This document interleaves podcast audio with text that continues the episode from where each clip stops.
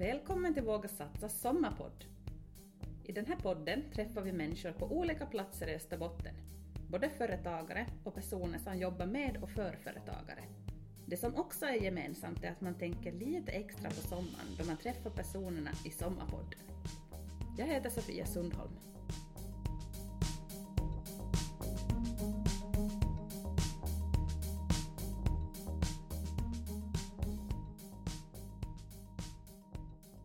Nu är jag hälsar på i Jakobstad vid Majs glasscafé.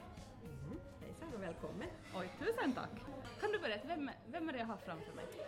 Eh, Jag heter Maj Boström, bor i Pedersöre och det här jag flyttade till Jakobstad för ganska många år sedan. Hur hur kommer det sig att du är i Jakobstad? Eh, Jag flyttade efter glassen, för jag fick jobb på Sannais i Tederna och eh, flyttade till Jakobstad av den anledningen. Jag fick jobb. Sannais slutade på 2002.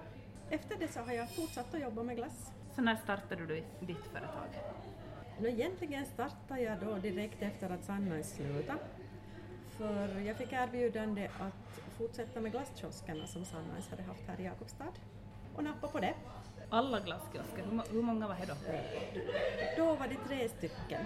Det fanns en på torget och en på vid skolparken på Victor Showmans Esplanaden och så fanns en på gågatan. Ett Muminhus. Nu är vi som på Storgatan, vid Majs glasscafé heter det här stället som vi sitter på nu. Men eh, vad jag har förstått så finns du nog lite utspridd i stan ännu. Hur många ställen har du? Jag gör fyra arbetslistor, så det betyder fyra ställen. Tre glasskiosker och, och så vårt glasscafé. Och var finns de här ställena? Uh, Vårt glasscafé finns som sagt på Storgatan, Storgatan 14 här i Jakobstad. Sen har jag en glasskiosk på torget som också säljer vår egen glass. Eh, Vid Kittholmens simstrand vid Gamla hamn har vi en glasskiosk och en i skolparken. Den här vid Gamla hamn. Den är Låter- ny för i år. Låter ny för i år, ja. Ja, Precis. den har varit en par veckor i, i det här.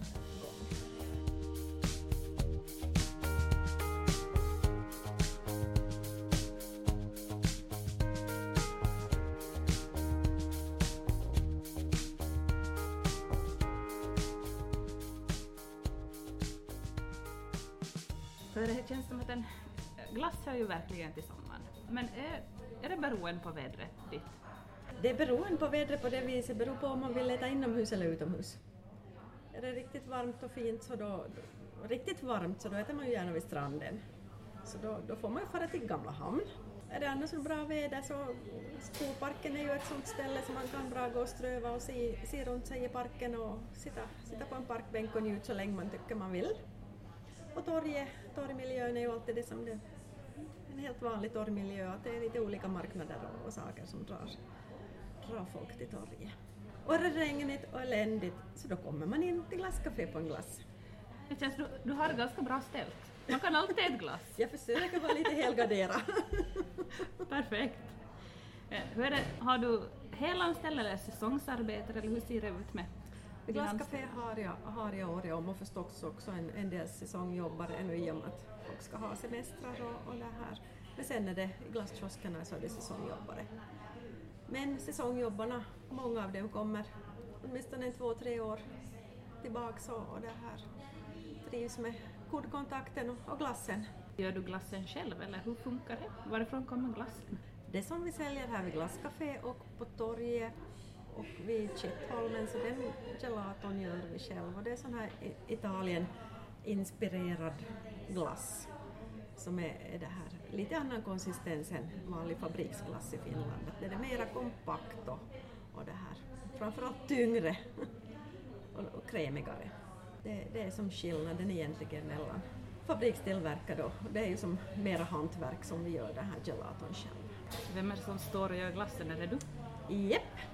Säljer på dagen och gör glass på natten, eller hur är det?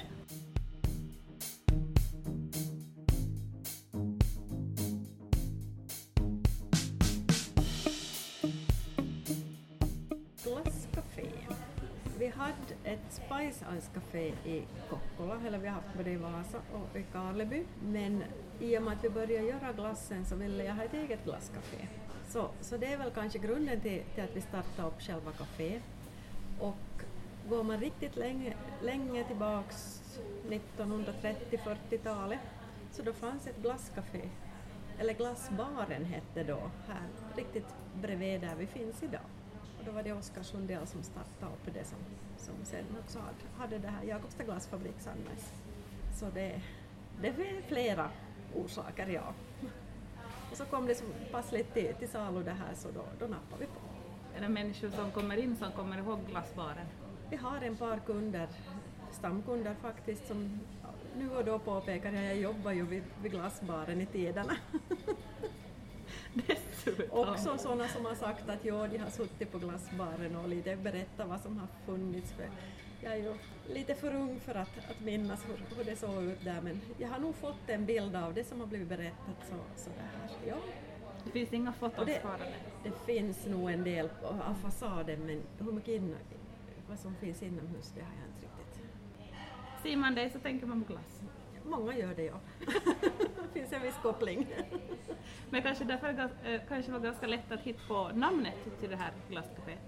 Men det hette Kalles konditori tidigare och, och det här vi lite resonerade som så, Kalle gjorde ett jättebra jobb men, men han är död sedan många år tyvärr och, och det här, vi avslutade den eran och, och det här gick över då på, på majs istället. Varifrån kommer dina kunder?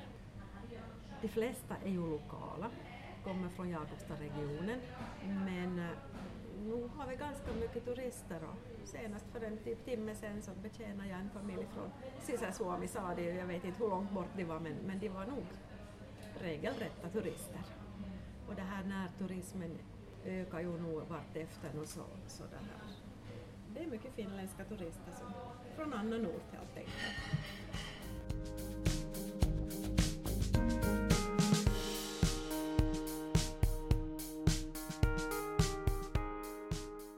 Hur är det med sådana större evenemang? Jakobstad är ju ganska känt för Jakobsdagar. Hur påverkar det ditt företag?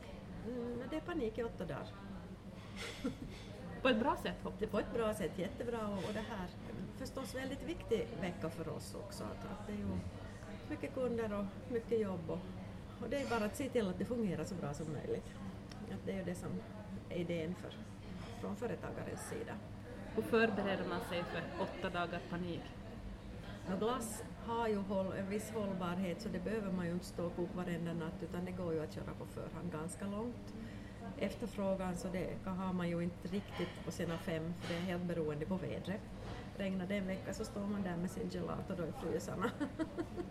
det oaktat så måste man ju göra och ställa till på förhand att man kan inte bara leva hand i mun utan lite, lite se vad som har varit åren tidigare och se vad, vilka nyheter man hittar på, vad man hittar för lite annat. Vad har du för nyheter i sommar? Är det något speciellt i sommar? No, jag gör gelaton så, men jag har ju förstås ett visst basrecept som jag utgår ifrån och sen då smaksätter jag med olika smaker och jag har hållit på lite över två år och gjort den här egna gelaton och en 120-130 olika smaker har jag gjort så, så det här lite olika varianter och vissa kunder har, har sina egna önskemål och, och det här 120 till 130 varianter? Ja, jag har inte räknat igenom dem nu men de måste nog börja vara uppe i 130. Hur kommer man på så många idéer? Ja men om du har choklad så du kan lägga olika cookies och bitar och Oreo du kan lägga salmiak och du kan liksom variera det ganska, ganska långt. Hur är det när man kommer in hit då? Är det olika sorter varje gång eller har du ett sånt standardsortiment? Ett visst standardsortiment har jag nog och det här. Typ nu vaniljen är ju en som alltid måste finnas i, i vitrin och det är en, en bra basprodukt och den produkten har vi faktiskt jobbat längst med för att få som vi, vi har velat ha. Själv smakar jag jättemycket glass, du är utomlands och på olika, olika fabrikanter gör sin egen och det här jag har ju i mitt huvud hur jag vill att den ska smaka. om det är rätt eller fel men att man jobbar ju enligt det man själv tycker om och plus, plus då lite, lite annat förstås. Har du nästan den smak som, som du tänker att är det var lite, det var lite väl knasigt kanske? Jag hade faktiskt en, en kund som, från tomatriket förstås som kom och önskade tomatglass och gurksorbet. Tomatglassen gör vi åt kunden i fråga och, men jag sa med samma att no, gurksorbet så gör jag inte. För gurkan i sig smakar ju ingenting, så då blir det som smaksatt av någonting annat, så, så då är det ju någonting helt annat än gurksorbet. Så, så den, den la jag nog upp händerna, men, men tomatglassen blev nog, tycker jag själv, ganska bra. Och du säljer den fortfarande? Ja. Häftigt. Kan man, hur är det, kan man påverka glassorterna? Får man komma in med en beställning? Ja, på? jag gör speciellt eh, restaurangsidan är ju idag, de vill ha sina egna öronmärkta produkter som, som det här inte finns överallt och som de vet, de gör upp sin meny och behöver ha kanske något komplement och så, så det här tar de kontakt och säger att nu skulle jag vilja ha det och det, att fixa då det. nu har jag faktiskt på gång till, till det här Vega, Vega glass som är med kärsmak. Så det, det är ju lite, och jag tycker det jag tycker om att göra sådana produkter som passar vissa olika ställen och det är som en idé med, med hela alltihopa. Kunderna har sina önskemål att av någon orsak då att det och det skulle jag vilja ha.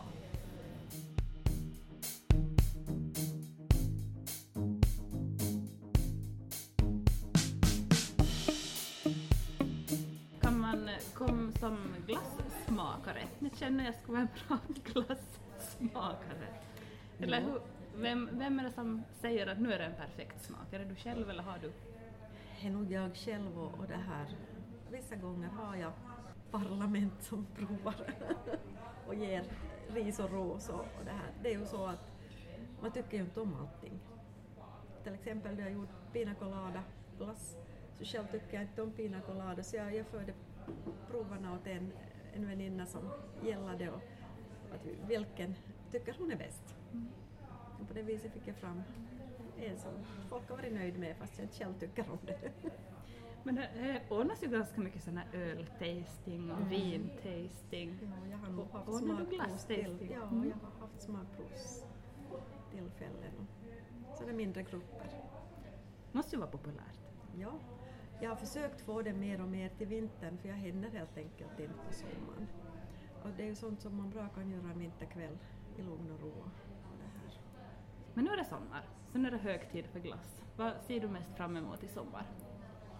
Det här olika tillställningar, typ Jakobsdagar, så det, det är jättejobbigt. Men det är jätteroligt. Det som ju är förstås att jag själv kan inte vara med på några mycket Jakobsdagars evenemang medan stan nästan veckan runt och det här ser, ser folk i farten och, det här.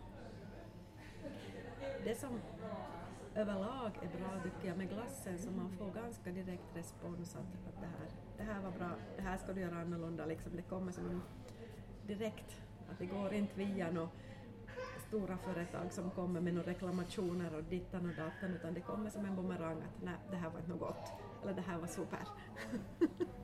och det är en sak som jag uppskattar jättemycket.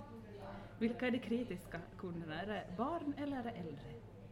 Nå, åtminstone kritiska på det viset att de, bra, de känner mig bra så de vet att de kan säga vad de tycker så det är de som jobbar på Sunrise förr.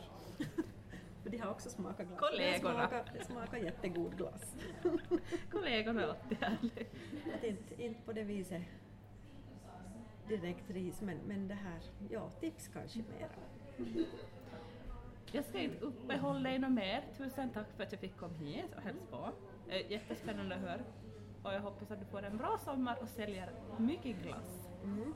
Då ska du ju inte önska 25, 26, 27 grader plus. För då försvinner folk från stan. Vad ska jag... Jag, jag väldigt, väldigt 19, 20 och lite Ja. mulet. Ja tack. Nej, inte mulet behöver det inte vara. Nej, sol. 18 till 22 grader, Okej, tack. då, då önskar jag dig precis sån sommar. Tack!